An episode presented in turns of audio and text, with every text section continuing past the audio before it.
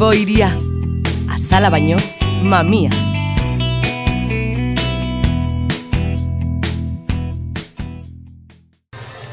Anartz Bilbaurekin gaude, bera aurten e, gogoetaren plazaren koordinatzailea izango da.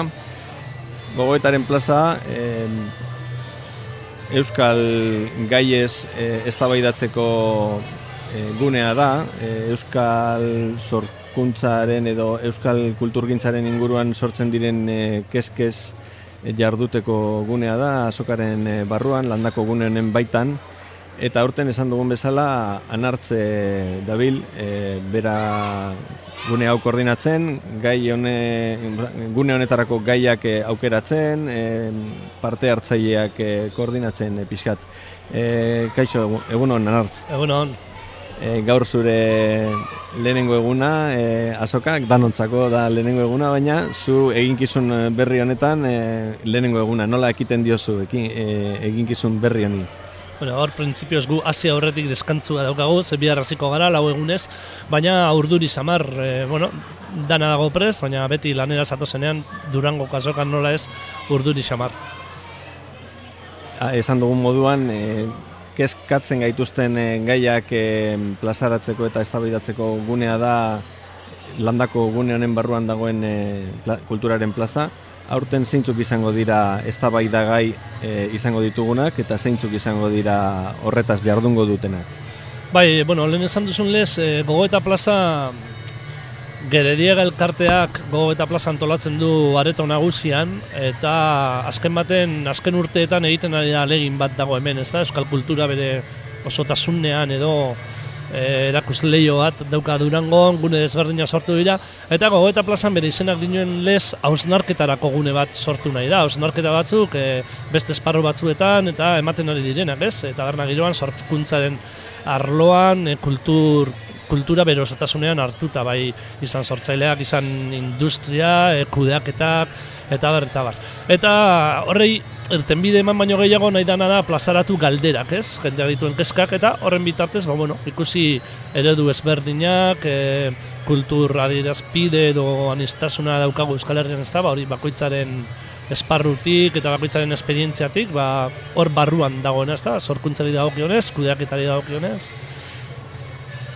Eta horten, ba, bueno, e, irugarren urtea da, gogo eta plaza antolatzen dana, orain arte Miren Rubio eta eta inigo astiz kasetariek kudeatu izan dute.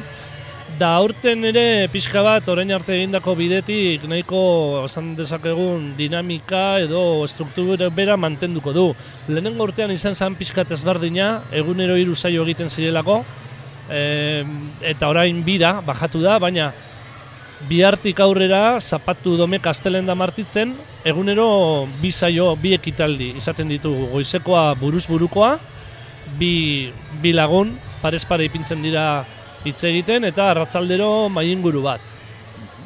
Egunez egun pixka bat aipatza arren, bihar lanun bata guritzako lehenengo eguna izango da, eta goizean horri izango dira buruz buru Elena Odriozola, Gipuzkoar ilustratzailea, eta Koldo Amestoi, jaiotzez basen afarra da, baina Lapurdi normugan, Lapurdi basen afarra mugan bizi da, ipuin kontalari eskarmento hondiko ipuin kontalaria eta bueno, Juan Luis Zabala kasetariak gidatuko dau solasaldi solasaldi hori.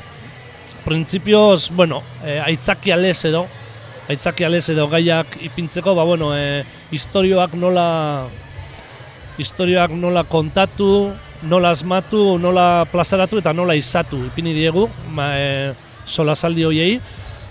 Larun batean Elena Dorriozola eta Kolda Mestoi izango dira, igandean berriz alde batetik Mikel, Mikel Soto, txalaparta argitaletxeko editorea da bera, Nafarra, txalaparta argitaletxeak jakingo duzuenez, badauka gaztelerazko arloa eta euskerazkoa, eta euskerazkoan Mikel Soto e, da zuzentzen duena, eta berarekin batera egongo da irantzu, irantzu lekue gazteiztar sortzaile gaztea, oso komprometituta gizarte gai eta kezkekin berak artibismo deitzen dion kontu hori plazaratzen du, ezta? Eta, bueno, hor, behien arteko solasean, bakoitza bere esperientziatik kontatuko du egiten duen lana, eta hor, nahiko genuke sortzea konplizitate bat, eta horrek izatea garapen bat.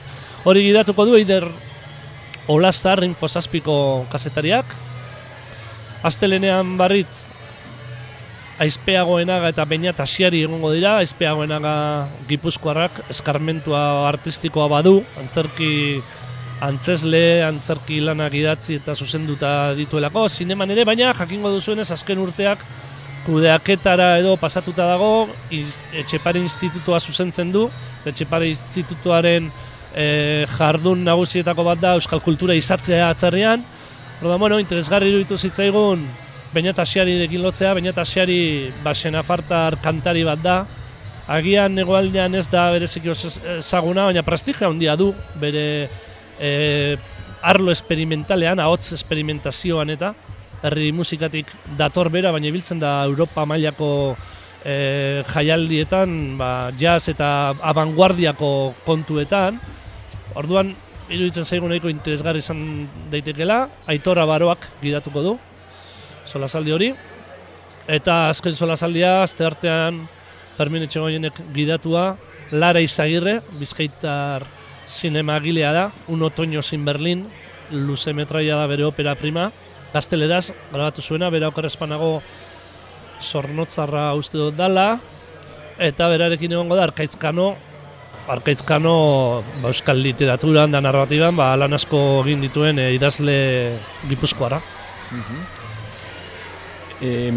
iaz euskal kulturaren e, ikusgarritasuna edo ikusgarritasun eza zen kezka nagusia e, aurten e, nolabait e, labur bildutzearen e, zein izango da e, gai nagusia edo no, Bueno, ez dakit eh, gai nagusi les eh, planteatu dugu, arratzaldeko arratzaldeko izlariak ez, baina bai mai ingurua komentatuko ditu lau gaiak edo, bai, batetik nahi dugu telebistaz ez da eta batez ere ba, euskerazko telebistaz eta telebista ere ez, orduan e, ba, izango dugu nola ez Euskal Telebistako ordezkari bat, baina baita herri telebista eta telebista lokalen esparru horretatik e, kanaldudeko partaide bat etorriko zaigu, ba aurten e, besteak beste, aurten Durango kasokak Ipar Euskal Herriari ere harreta berezi bat jarri nahi diolako, ez? Da hor saiatu gara, bueno, mai inguru bat telebistari buruz ikusten dugulako,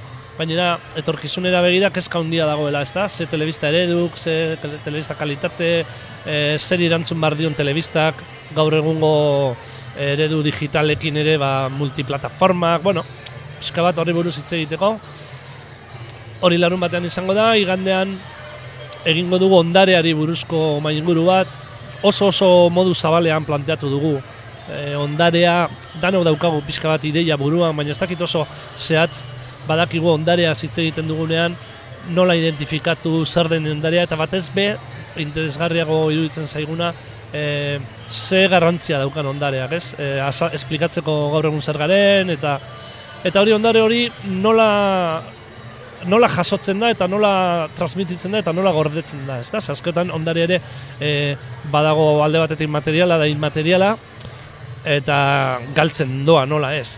Orduan hor nahiko zabala utzi dugu eta karriko dugu jende ba, esparru ezberdineko jendea ba, e, mintzoak egitasmoa Ipar Euskal Herrian ekek egiten duena, hor elkarrezketak egiten ari dira, jendeari, da orduan ba, galtzen ari diren lanbideak, eta Euskal aldetik ere, ezta? Euskal iztunak eta e, ba, grabatzen ari dira, labrit, enpresa pribatu bat Nafarroan, baina ondarin materiala sarduratzen dana, ADS-eko lagunak, jakingo duzuenez, Bizkaian batez ere, kobazuluetan, e, labarretako arte paleolitiko e, hori ez, e, garrantzitzu, ondare garrantzitzu aurkitu dute, nola aurkitzen da hori, ze garrantzia dauka, nola zaindu behar da, eta azkenik baita Euskal Museoa, Bilboko Euskal Museoko ondarea sarduratzen den lagun bat ere, ez? Oso, oso, maiengurak oso perspektiba zabal batekitik planteatu ditugu, uste dugulako Durangora datorren jendea ere e, oso perfil anitzekoa dala, ezta? Eta beste bi inguru izango ditugu, beste bat ikusgarritasunarekin dauka zer ikusia, baina euskal kulturarekin baino emakumeekin, emakumeak plazan daukan ikusgarritasun edo ikusgarritasun eza edo oztopo hori plazara egiteko, ezta? E, izan literaturan, bertsolaritzan, musikan, zein zein e, komiki gintzan, badibide bat jartzarren, eta horre gongo dira sortzaileak, gongo dira unibertsitateko irakasleak, e, horri buruz hitz egiten, azken mai inguru bezala planteatuta dagoena da kultur edukiontziak, orain ikusten ari gara Euskal Herrian uste honik, e, kultur espazio e, ezberdinak sortzen ari direla eta gainera erantzun ezberdina ematen ari direna, ez da? Kultura ulertzeko modu ezberdina daukagu oso anitza, e, ez dakit nola esan, multidisciplinarra esango genukena. Eta hor bai mai ingurutan, bai solasetan, sorkuntzari nahi diogu begiratu, baina baita ere e, kudeaketari, ekonomiari, ereduei, ez da? Orduan badira gauza batzuk e, arlo pribatukoak, arlo publikoak, herri elkartetatik e, bolondreski egiten direnak, e, sortzaile batzuk horti bizi direnak edo edo nahian dabiltzanak, bueno, gauza guzti horietaz aritu. Kezka asko dira, e, batzuk e, antzekoak, esan nahi dute lehen komentatu dugun bezala, iaz euskal kulturaren ikusgarritasuna edo ikusgarritasun eza zen gaia, eta nola ez, eta denok ulertzen dugu, erdal orbitarekiko edo horri begira, ez, edo beraiek nola ikusten gaituzten edo ez gaituzten ikusten, e, aurten azokak helburu orokor bezala, nerea mugikak e, aurreratu digun bezala, erdaldunak nola hurbilarazi e, azokara eta euskal kultura da e, kezka orokor e, hoiek e, oso antzekoak eta azkenean e, erdalduna hor dago e, gure begi puntuan, ezta? Zu zeu e, ez dakit e, kultura arloko kasetaria zara eta e, behatzailea ere zaren e, neurrian zer kezkatzen zaitu zu? Zein da zure zure ardura? E, ardura horiek dira kezka horiek dira e, beste batzuk e, aipatu dituzun guztiak ere? Bai bueno kezka kezka asko eta erantzun gutxi galdera asko dauzkagu ez? Hori da helburua gainera galderak mai gainean jartzea e, erdaldunekiko esan duzuna, bueno, e, Durango kasoka gaurten noker espanago, eh? E, dakidana gaitik, nik ere komunikabideetatik eta e, egin du azterketa bat, Durangoko perfila edo, ez, gente, ze gente tortzen da, ze gente parte parte tortzen duen, da hor, harretu ninduen, euneko laro gaita marra, ona hurbiltzen dana Euskalduna dala, ez da, nola gait. E, bueno, azterketa bera egiteak, erakusten du kezka bat Durango kasokaren aldetik, ez, berdifinitzeko baina erakusten digu gizartean orokorrean bizi dugun kontu bat, ez? Guretzat hain importante edo hain ez dakit nola esan, Durango hain itzordu klabea denean, nola difuminatzen den gure Euskal Herria handi honetan eta nola erdaldunek kasik batzuk ez dakiten edo ez diren agertzen. E, gure kasuan gogo eta plazan aurten behintzat ez diogu asko reparatu horri eta bai gehiago e, bai gehiago gaur egun kultura ulertzeko moduak iruditzen zaizkigu aldatzen ari ala, ezta? E, sortzaileak ere esparru batean egon beharrean, ba, lehen esan dizuena, kolaborazioetan, disiplina nitzetan mugitzen dira, e, euskal kultura kasu batutan liburu gintzan definitzen agian horrezagoa da, baina dantzan egiten duzunean, arte plastikoan agian ez da hain erreza, da orduan adierazpidez berdinei eman nahi zen diegu eh, ahotza da horregaiti ba gile bat, e, arte plastiko da dedikatzen den bat eta gero e, pixka bat e, lurraldetasunari ere ba pixkat e, erdigunetik aparte periferiko gelditzen direnak eta ere, ez? Ba, ze borroka egiten duten euskal kultura diferente alako do, e, donostin egin edo edo gazteizen baina erdalmunduari bereziki ez diogu begiratu, e, kaso honetan, gauza planteatzeko orduan. Bai gero, gustatuko letzaiak, bueno, aipamentxo bat edo, e, Euskaldunei begirako kontu bat egin dugu, baina Euskalduntasuna ulertzeko ere modu asko daude, ez da, adibidez, ba, eta bezala kontatzen dizut, baina eri proposamena lusatu genionean, bera ilusioz, posik agertu zen, baina kezka hundiz, e, horrelako agertoki, ez, horrelako plaza batek ematen zion errespetu bat, berak esan zigun, ni gazteizko neska naiz B ereduan ikasi duana, B ez, ez durangoko D, eh? bilboko B ereduan, atzerrian egon naiz, eh, atzerrian egon naiz gero ikasten eta lanean, herri honetako alaba naiz, esaten zigun, baina orain ari naiz berrez euskara. Guretzat interesgarria zan jente horrek ere, eh, ez bakarrik kontsumitzaile lez durangora etortzea baizik eta ahotza izatea, e, beraiek ber, berba egitea, ez, eta kontatzea, ez, beraien, mm, ba, askotan, ez dakit nola zan, e, euskal kultura maila jasoko edo euskaldun zarretatik aparte, ez, da, bueno, hor- hor- horretan saiatu gara. Bueno, gogo eta asko eta espero dezagun e, entzuleek ere aukera izatea gogo eta horiek entzuteko bertan e, landako barruan da, dagoen gogoetaren plaza honetan. E, anartz, eskerrik asko zure ekarpenagatik eta ondo on egin dakigula zure e, eginkizun horrek eta eta eta gogoeta horiek e, probetsugarriak izan daitezela. Bueno, gonbidatut ezaguze, eta ia danon artean eztabaida dausnarketa aizpotzen dugun. Eskerrik asko.